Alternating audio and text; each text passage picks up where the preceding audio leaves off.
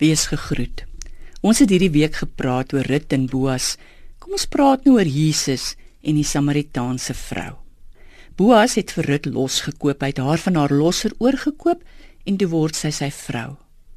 Maar Jesus het die Samaritaanse vrou vrygekoop. Jesus is op pad van Judea na Galilea en hy loop deur Samaria. Gewoonlik doen Jode dit nie. Die Jode en die Samaritane hou nie van mekaar nie.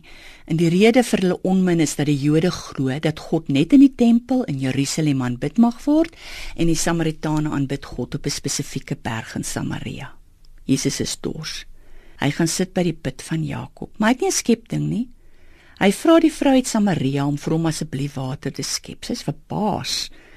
Half bitter sê sy: "Hoe kan u met my praat? Jy's nie veronderstel om met 'n Samaritaan te praat nie, nog minder met 'n vrou."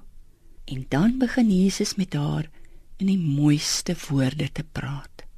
Hy praat oor geloofsaake met haar. Dat God Gees is en oral is en oral aanbid kan word. Hulle praat verby pitwater na lewende water wat 'n mens se diepste dors les.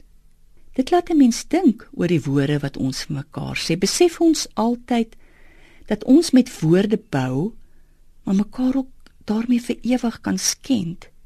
Ek het eendag met mense gepraat wat in 'n senuweekliniek was nadat hulle in mekaar gestort het oor die seermaak woorde wat hulle lewensmaat vir hulle gesê het. Woorde wat seermaak kan die grond onder 'n sterk professionele vrou laat inkalwe. Dit kan die mat onder 'n man uittrek wat gewoonlik vir niks stuit nie. 'n Man se onderwyser kan vir 'n seun iets sê wat maak dat die kind sy skooltas in die skool se asblik gooi en nooit weer heel word nie. En boonop is dit al bewys dat 70% van mense wat met mekaar trou al regtig afbreekende dinge vir mekaar gesê het. Woorde wat kwets en seermaak en dat min van hierdie huwelike natuurlik slaag of gelukkig is. Die Samaritaanse vrou het baie pyn gehad. Sy is al deur 5 maande met die huidige een is sy ook nie getroud nie. Met hierdie vrou praat Jesus met groot respek. Hy praat met haar oor die mens se diepste behoeftes, die behoefte aan vrede en liefde, respek en waardigheid.